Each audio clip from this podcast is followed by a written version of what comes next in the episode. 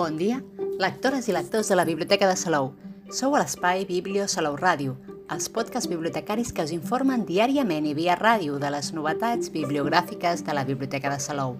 Els podcasts dels dissabtes us parlaran del que podem trobar a les xarxes sobre una de les novetats infantils del proper mes d'octubre. I avui, 18 de setembre, us presentem el conte La llebre i la tortuga, de la col·lecció infantil Contes del dret i del revés, de l'editorial Cruïlla, escrit per Salvador Comelles amb les il·lustracions d'Òscar Julve. Què en sabem del llibre? Capgira el llibre i llegeix una altra versió de la història. Llavors, el títol d'aquest nou conte és La tortuga i la llebre. La llebre i la tortuga és un àlbum il·lustrat de tapa dura. Té una extensió de 30 pàgines no numerades, mesura 23 per 23 centímetres, pertany a la col·lecció Contes del dret i del revés, una col·lecció per aprendre a llegir. La lletra és impremta, de mida adequada, que em facilita la lectura. Text i imatge es reparteixen l'espai en un bon equilibri. Les il·lustracions són molt atractives i representen allò que ens diu el text. Escrit per Salvador Comelles i amb les il·lustracions d'Òscar Julve, està editat per Cruïlla, un segell de SM Editorial. L'edat recomanada és a partir de 6 anys. Què més en sabem del llibre? El busquem a les xarxes. La llebre i la tortuga és el cinquè volum de la col·lecció de contes del dret i del revés, una col·lecció de llibres on cada volum conté dos contes diferents. Si el poseu del dret, podeu llegir la versió clàssica del conte i si el poseu del revés, una altra versió de la història és a dir, una adaptació literària del conte tradicional, fet amb molt d'humor i també amb valors pedagògics.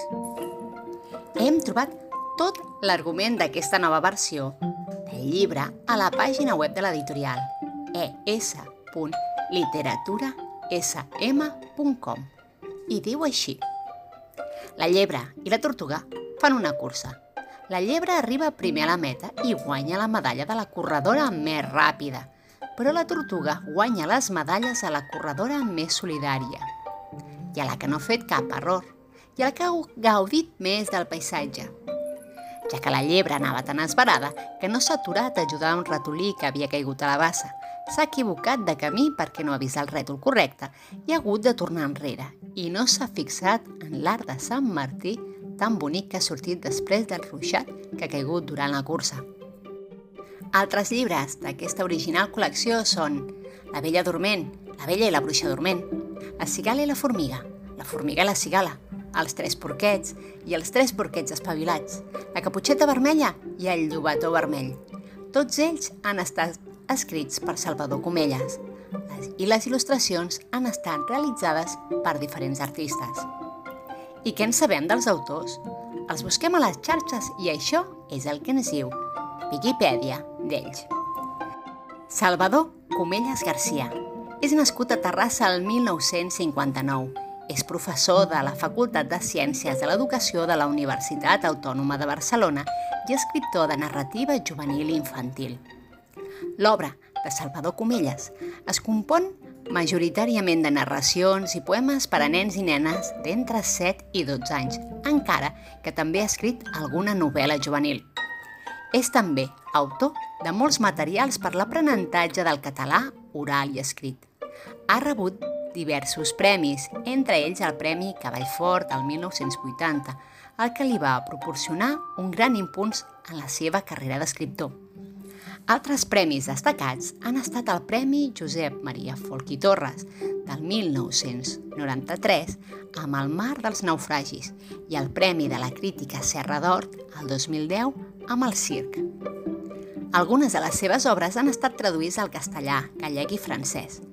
Actualment, a més de la seva feina de docent a la universitat, també és convidat a escoles, biblioteques i formacions diverses, on parla de la seva feina d'escriptor i de la literatura amb els nois, noies i adults que els han llegit els seus llibres. Alguns dels seus llibres que podeu trobar a la Biblioteca de Salou són 100 jocs de vocabulari, arbres, les aventures d'un ratolí de biblioteca, Bona nit, poemes per a l'hora d'anar a dormir, El conill enamorat, El secret de la seva família, entre molts altres.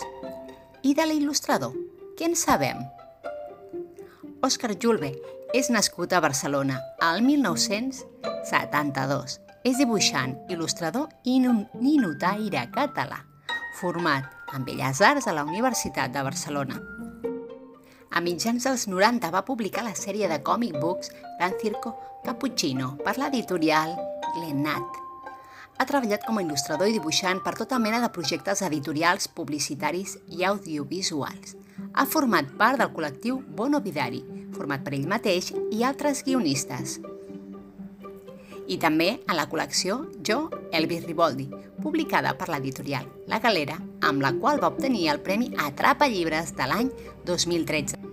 Col·labora sovint amb l'escriptor Jaume Copons, amb qui ha creat la col·lecció Aventura Total de l'editorial Bae Escoa, sèrie de novel·les gràfiques per a públic infantil i la col·lecció Pop Down, de Combe l'editorial, amb la que experimenta amb l'enginyeria de paper aplicada als llibres, o pop-ups. Col·labora habitualment amb les revistes infantils Cavallfort i El Tatano. És el creador de Tranques i Barranques, les divertides formigues que estan al darrere del programa presentat per Pablo Motos, El Hormiguero.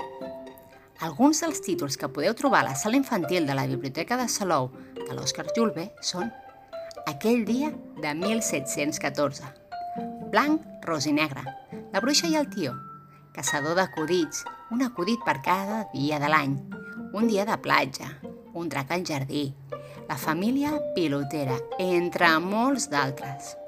Podeu veure tot el que fa a la seva pàgina web personal www.oscarjulve.com I fins aquí el podcast d'avui, però tenim més novetats infantils que anirem descobrint cada dissabte. Que tingueu molt bon dia i molt bones lectures que us acompanyin en el dia a dia.